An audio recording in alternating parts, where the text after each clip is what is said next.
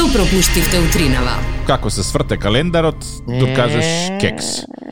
Е, Така секогаш е така. Почна прво картењето, односно враќањето на часот, сега нов месец, прогнозерите глобално велат дека ќе биде е, значително потополо од тоа што ноември обично е во текот на изминатите години, што е резултат на глобалното затоплување и е, од вестите поврзани со глобалното затоплување, Антарктикот, односно мразот на Антарктикот, внимателно е, и полека полека почнува да се топи, што ќе донесе до како се вика поместување на, на голфската струја и разно разни климатски промени кои што некако Да, ќе влијаат на нас. според Да. астролозите во ноември не очекуваат три предизвикувачки и опасни денови, но универзумот ќе ни даде можност да завршиме есента со позитивна нота. да, да. Да, првиот од деновите е 8 ноември затемнување на крвавата во наводници месечина и конјукцијата на сонцето и Меркур. А, у, сега е Да, крвава да, да, месечина. Да, работата е тоа што на овој ден немаме еден, туку два предизвикувачки астролошки настани одеднаш. Се понашам како да знам што зборам, ама добро во секој случај.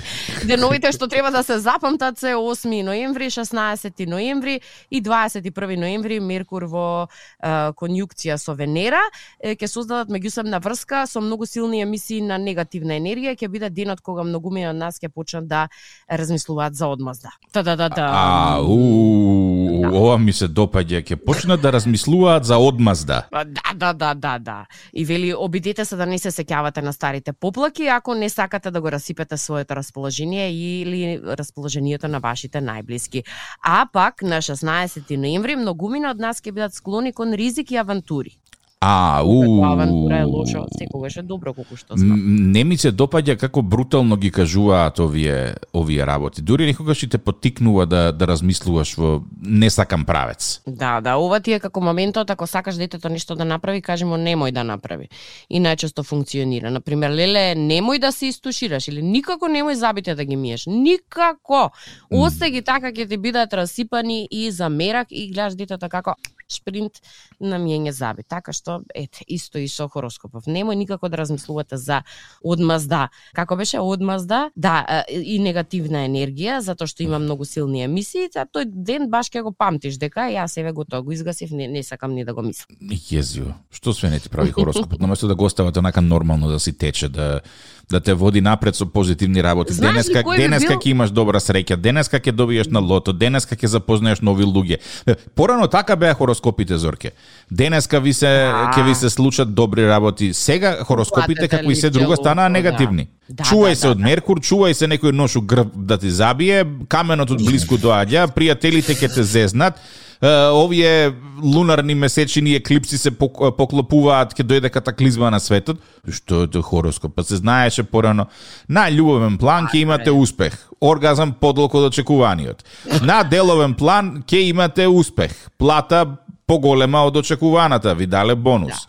На личен план ќе запознаете нови луѓе кои што ќе ви донесат ведрина во животот. Тоа беше Ова сега хороскопот. веќе се измешано. Ама имам е, за овој месец еден ден во месецот, а и општо како месецот е, за кој што сакам малку да да одвоиме време. Е, ноември или моември е месец посветен на мажите и секоја година имаме кампања по повод Мовембар која што ги мотивира мажите да ги пуштат своите бркови да раснат во текот на целиот месец ноември, како мотивација за сите мажи широм светот да посветат поголемо внимание на своето физичко и своето ментално здравје. Токму 16 ноември е денот посветен на мажите и тоа на интернационално ниво. Така што, э, по повод овој месец, э, на сите мажи, би им посакала да размислуваат малку подлабоко кога е во прашање своето здравје, чисто да се направат оние редовни контроли и превенции, нели, за да не дојде до несакани ситуации. Јас верувам дека сите сте здрави како дрен, ама ништо м, страшно во тоа, едноставно овој месец неколку дена да посветите на вашето здравје, да се посети нели доктор, да се направат оние регулар крвни слики, да се погледне во тоа во какво физичко здравје сте и потоа па и психичко, да не го забораваме и пси- психичкото дека е подеднакво важно како и физичкото, заради тоа што едно со друго се надополнуваат и се поклопуваат. Така што, еве, почетокот на овој месец да го посветиме на тоа, да ве подсетиме само да ги направите редовните контроли. А не знам дали понекогаш кога ќе чуеш некој звук од нешто познато од минатото, како временска машина те враќа во некој времиња убави.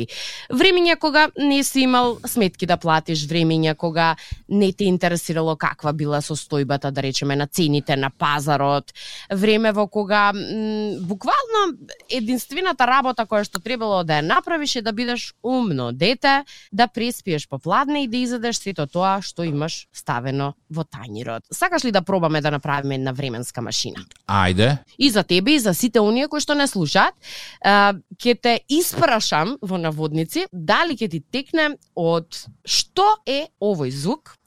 А, ќе оставиш малку простор да пробаат и слушателите да ни пишат на TikTok а, и Зорка на Facebook и на Instagram дали го препознаваат звукот од ова нешто.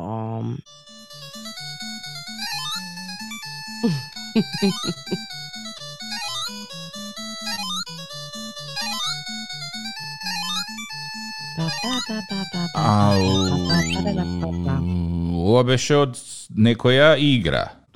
Апсолутно дека од некоја игра, ама од која?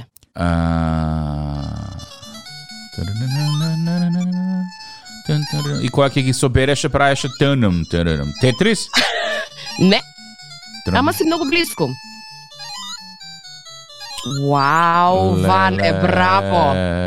А не е само Ване. Има Знам, и ми текна, ми текна, Што? ми текна. Ја имаше на старите Nokia, така? Не, Не беше змија? не. Змија не беше ова? Она кога ги лапнеш код скичките в рук да правеше? Друг си е. Ај уште еднаш. Јас само сакам да те замолам да не гледаш на Facebook. Не, не, не гледам. Дел од слушателите веќе погодија. Не гледам, не гледам. Трета шанса. Оп, зошто сега па не свириш? Ева го. Многу јако. Тетрис. А, а. Играта се викаше Циркус Карли. Твојата задача беше е, како изведувач во циркусот да поминеш неколку нивоа. Точно ова ниво кое што го погодивте, да, беше со лавчето и со огнените кругови, кога е, ти како човеченце требаше да јаваш на еден лав и да стасаш во е, до крајот без да те изгори е, ниту еден огнен круг. И така гледате како за секунда за секунда е ета, да, таа е. Ова го имаше и на некое друго место сигурно. Mm-mm. Но, ќе ти дадам уште една шанса, овој пат не се работи за игра, туку се работи за цртан, ти ги олеснува малку работите, чисто Ама чекај, да... и мој дел е сега за цртан. А ти си тој сега што ќе ми прави тест. Ајде, Спремна си? ајде пробам. Ја имав и еден за цртан, ама ајде, да. Неке да свири. the most effectual top cat, whose intellectual close friends get to call him TC, providing it's with dignity. The indisputable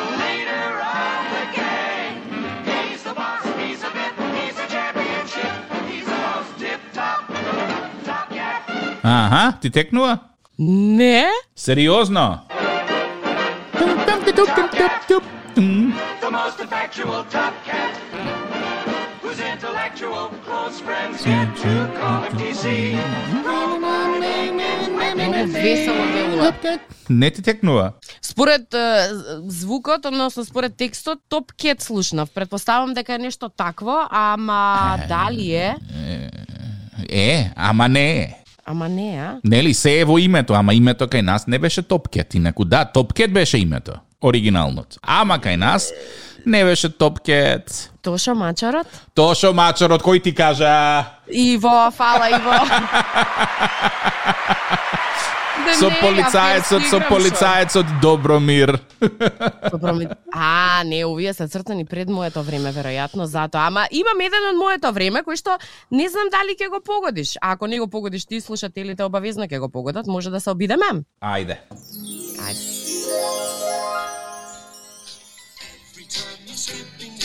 А, Чекај, да, одма знам. чекај. Преубава. People. Градот на чевличињата. Да. Е, ова е генерација... А, ова е Значи- твоја генерација, да, сестра ми е тука нешто со тебе годиште, така да... Значи, кога ги слушам насловните на, на цртаните, прво нешто што ми текнува е подпечени лепчиња во недела наутро, ладно утро, значи кебе на тебе, уште не е почнато ни да се грее дома ладно едно друго.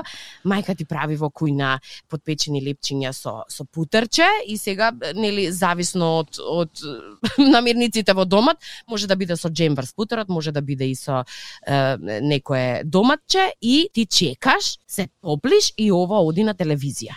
И ако го пропуштиш, нема враќање, значи нема YouTube во тоа време, па ај, ќе видам епизодата, ќе прегледам пак на интернет. А, а, тоа е тоа. Се поставува прашањето, ќе успееш ли да станеш на време да го гледаш или не?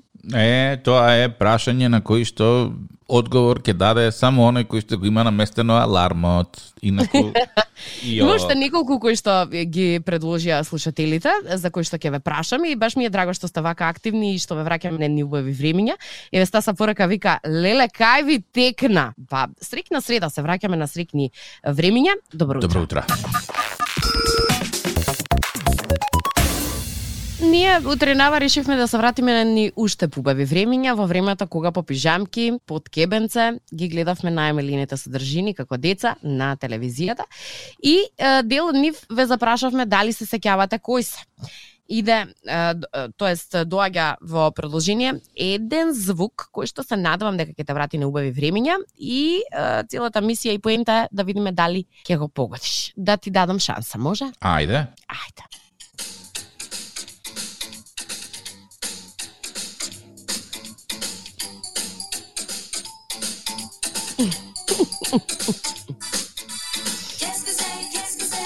Мислев дека е на веко и после почна да пее кеске се, кеске се и скрос ми се...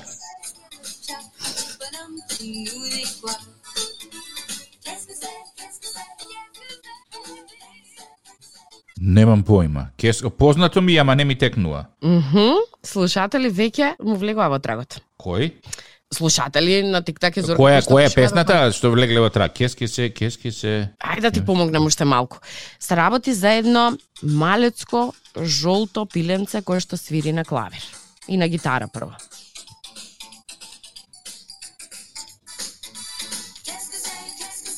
Не гледав никогаш француски. Ова нема ни, ни колку што знам, нема говор многу во, во цртанот колку што се сеќавам. Се работи за пиленцето Лепјав. Ау! Како можеше да го заборавиш? Ова има оставено трага во мојот живот во младоста, е, е.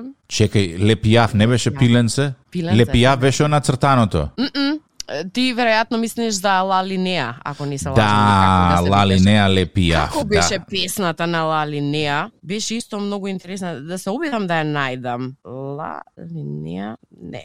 Да видам баш дали може да се сетиме на ова. Хм, Е, а сега ќе ти пуштам нешто што на времето го слушаа само оние кои што имаа сателитска. ајде. The Transformers, more than meets the eye. Autobots wage their battle to destroy the evil forces of the Decepticons. The Transformers, Цртана? Цртане. the Transformers, Си испеа. Се испеа, па се лесно е, моите сите се Ама пеат. да ти кажам нешто, да ти кажам се се испофали дека си имал сателитска. Скриена рекла. За тоа што цртани си гледали каде. Добро, добро, се прифаќа. Не, не знам, а и ова е класично, ако не се лажам, машки цртан со трансформери. Мислам дека тие беа тие количките што се трансформираат во роботи Да, да. или кои- не баш така. Да, се трансформираа во роботи и од роботи се правеа се правеа коли. И тоа сакам да те прашам. Неколку цртани, ова е нешто друго? Да. By your powers combined, I am Captain Planet. Captain Planet. Не, сите овие, овие сите моите цртани ги кажуваа насловите у, у песната, мислам тоа беше за, да- затоа што ние толку многу бевме залепени до тебе, не знаевме што гледаме, па мора да ни кажаат, «Де- сега гледате Captain Planet, сега гледате Да. Трансформерси. Добра, ма тие се од поновите времиња каде што нели името на супер херојот се каже или на суперхероите се кажува во самиот е, текст на песната. Да, А овие предходните беа каде што песничката е само песничка. да, само И не песничка. ти дава можност да да разбереш кој е што е. Мене ме интересира, не успеав да го најдам, ми требаше малку повеќе време да да барам. Грашко град, дали гледаше? Не, многу мал бев се тоа кога се случуваше. Реално си бил малку повозрасен од мене и веројатно затоа не ти биле интересни тие цртани. Грашко град е еден од цртаните кои што со задоволство, со задоволство би би ги пуштила сега на своји деца и мене ми е многу жал што не се репризираат да речеме овие цртани заради тоа што е цела ризница на цртани која кое што на вистина нудеше некоја посебна мудрост, зборуваше за другарство, за фер игра и така натаму. Добро. Но еве цртани некако сите се со супер моки, посебни од сите други, не баш ми се ми се допаѓа. А и реално одамна немам гледано добар содржаен цртан е, вака во неколку, тоест во повеќе епизоди. Е, Она што сега моите деца го гледаат е популарно и актуелно, никако не се совпаѓа со цртаните од времињата кои што ние сме ги гледале. Не, и мислиш дека она што денеска го гледаат е подобро? Не, мислам дека она што денеска го гледаате далеку полошо и не ја нуди вредноста која што сме имале ние. Дај Боже да грешам, ама од приложеното, а бога ми морам да седам и да гледам некогаш цртани, не. Се извојуваат оние долгометражните, да речем, кои што се како филмови цели, со, со поента и со порака, ама овие другиве, освен што се пошарени, ништо специјално нема. А и знаеш, ми, ми недостигаат гласовите на луѓето кои што ги синхронизираа. Да, гласовите ги позајмија Димче Мешковски и Таска Балабанова, например. Да, ма например беа многу јаки тоа самите како цртани беа многу интересни. Мислам дека текстот и понекогаш не беше толку интересен колку што тие добро го синхронизира. Да, например полицајецот Добромир да кажеме. Нели, кој ќе му текне на полицајецот Добромир беше Димче Мешковски, ако не се лажам. У, ќе си дадам за задача да ги најдеме дел од тие цртани и нешто да ве подсетиме во некој од следните емисии.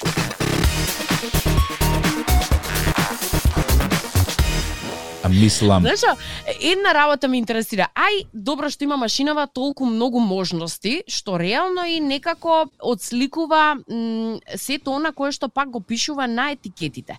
Првенствено, за да ги разделам така по тие, колку корпи за алишта треба да имам? Да речеме една корпа само за дамки од крв, како беше? дамки од крв, да. Друга само за фармерки, трета само за па мене ми треба цела соба кај што ќе складирам облека за да наполнам една машина за перење со таа програма. Да, и колку пати ти Зорке дамки од крв имаш на алишта, мислам? Не пушташ знам. машина за едно марамче, за една маичка? Па кај е тука екосвеста? Кај е тука грижата за природата? Кај е тука штедење на струја? Па со ова темпо кој што тргнале таа машината треба 24 сата дневно да работи. Ву, ву, ву, ву, ву, За по три чорапчиња. За по три чорапчиња, да. Затоа што едните се памучни, другите се синтетички. Е, Детево се исекло тука мајцава има крв, друго на дете јадело чоколада, цело е чоколадосано. И што сега ќе чекаш месец дена да се соберат 20 чоколадирани мајци? Ке мувло Па ќе мувлоса чоколада. Ќе па апсолутно. И што сега за едно пушти ги. Така да од ефикасност и економичност ни е немаат машиниве денешни. Врати ги оние старите толку 30 опции? 40 30 60 90. Кратко и јасно. Зошто не знам ни јас зошто толку опции. Ајде, мојата има да речеме 15 на опции, ај не се ни 15, помеѓу 10 и 15 опции, јас се уште немам откриено која за што е. Затоа што генерално новите алишта, нели, пушташ едно брзо перење, да речеме на 30 на 40 степени, зависи кое што е. Зимно време джемпери на еден програм, постелнина на друг програм, бели алишта на трет програм и толку се тие се неколку кои што ги имаш. Имаш едно многу интересно ББ програма. Е, да. ББ да. програма е различна од 90 степени програма и различна е од програма Еко и од памучни е различна. Зошто? Па не знам, искрено. Бебето ги комбинира еко и 90 степени најверојатно. Леле, не знам, никогаш не разбрав. Ја купивме откако ми пораснаат деца. Немав можност да тестирам што е со бебе програмата. Веројатно некоја мекост, некоја поста... И многу интересен момент кој што со, бебе програмава сега ми се отвори. А, знаеш дека м, има многу детергенти и да, со детергентите тоа сакам да ти кажам дека е накнадно кога ќе направиш комбинација, меѓутоа има многу посебни детергенти и омекшивачи за алишта кои што се наменети за бебе. Добро. И се мене ми е окей тоа, ајде за перење, за бебе нели посебно му ги переш алиштата, ама нели бре а, машината вртела твои алишта пред да ги ставиш алиштата на бебето. Добро. Број 1. Добро. не знам колку е специјално а, ајде за бебе програмава, меѓутоа алиштата претходно прљави твој се ставени во истата таа машина истиот бубан ги вртел ако не се лажам. Второ, дали мајката треба да се пере со бебе детергентите Затоа што бебево пак ќе го ставиш ти на гради, нели? Ќе ќе го гушнеш. Па- И трето, дали откако ни се пораснати децата ние смееме да ја користиме таа бебе програма?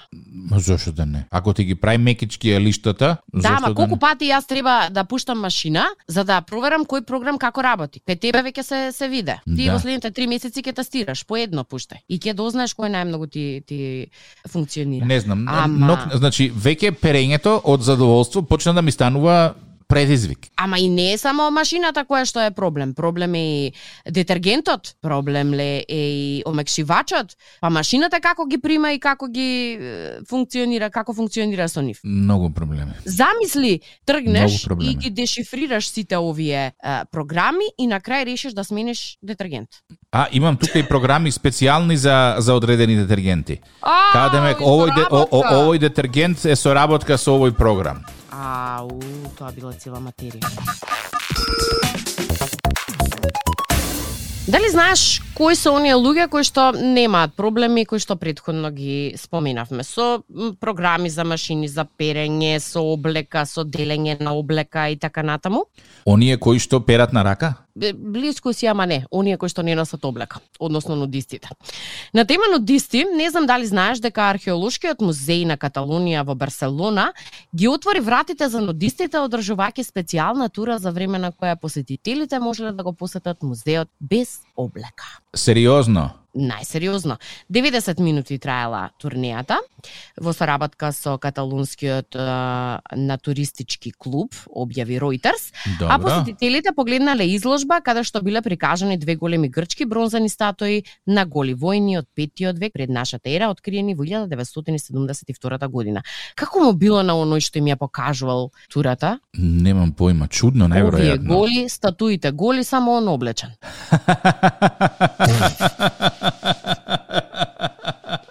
И друга работа, ако си имал можност да посетиш музеи, една од работите што секогаш е иста е ниската температура. Овие имаат смрзнато внатре. Да, тоа е затоа што работите кои што се внатре во музеот треба да се одржат Да, да кажеме репарираат и тоа се прави со регулирање на на температурата. ја сигурна сум дека за нив специјално немаат покачено е, Не. температура. Овие имаат смрзнато внатре, уште 90 минути, саат и пол седеле. Голи на тој студ, исто како во фрижидер. Кога ти отворен фрижидер, стоиш пред фрижидер. Тоа е исто како тука Зорке лето зимо климата дува у метро. Да, Без оглед дали е надвор 25 во лето или 25 во зима. Ох, не би сакала да видам како е тоа. Проблеми. Проблеми, проблеми. Ама ете, една работа па се ослободени од еден проблем, а тоа е а, која програма им треба за каков вид наалишта. Кој ќе видиш, во секоја ситуација некој добива. Или народски кажано врти сучи задникот ти е од позади.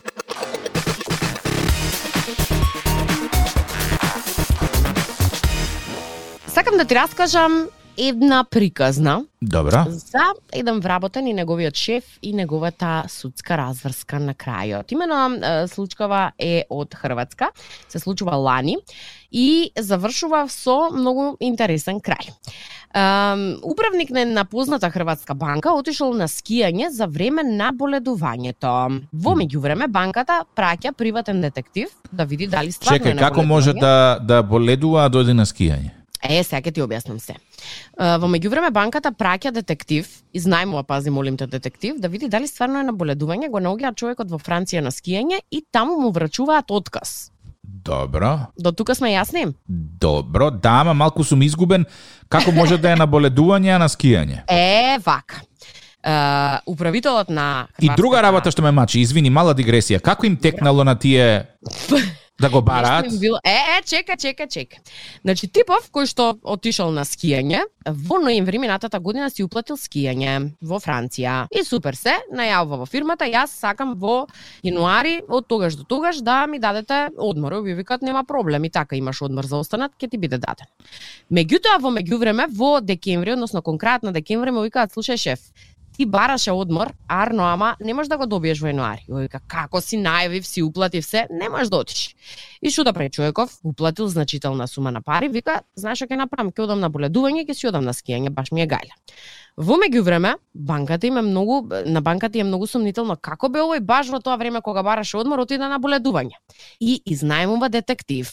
И се за да бидат фраери, детективот го наоѓа во Франција, каде што и претходно типот најавил дека ќе биде, и му врачува отказ. Арно, ама Приказката Добро. завршува со тоа што на овој што добил отказ му се исплаќа одштета од 15.000 евра. Како? Вау. Во меѓувреме, откако типот го наоѓаат и му врачуваат отказ, овој не го подпишува, добива случајно болест висинска, му се снеарнува и завршува во француска болница.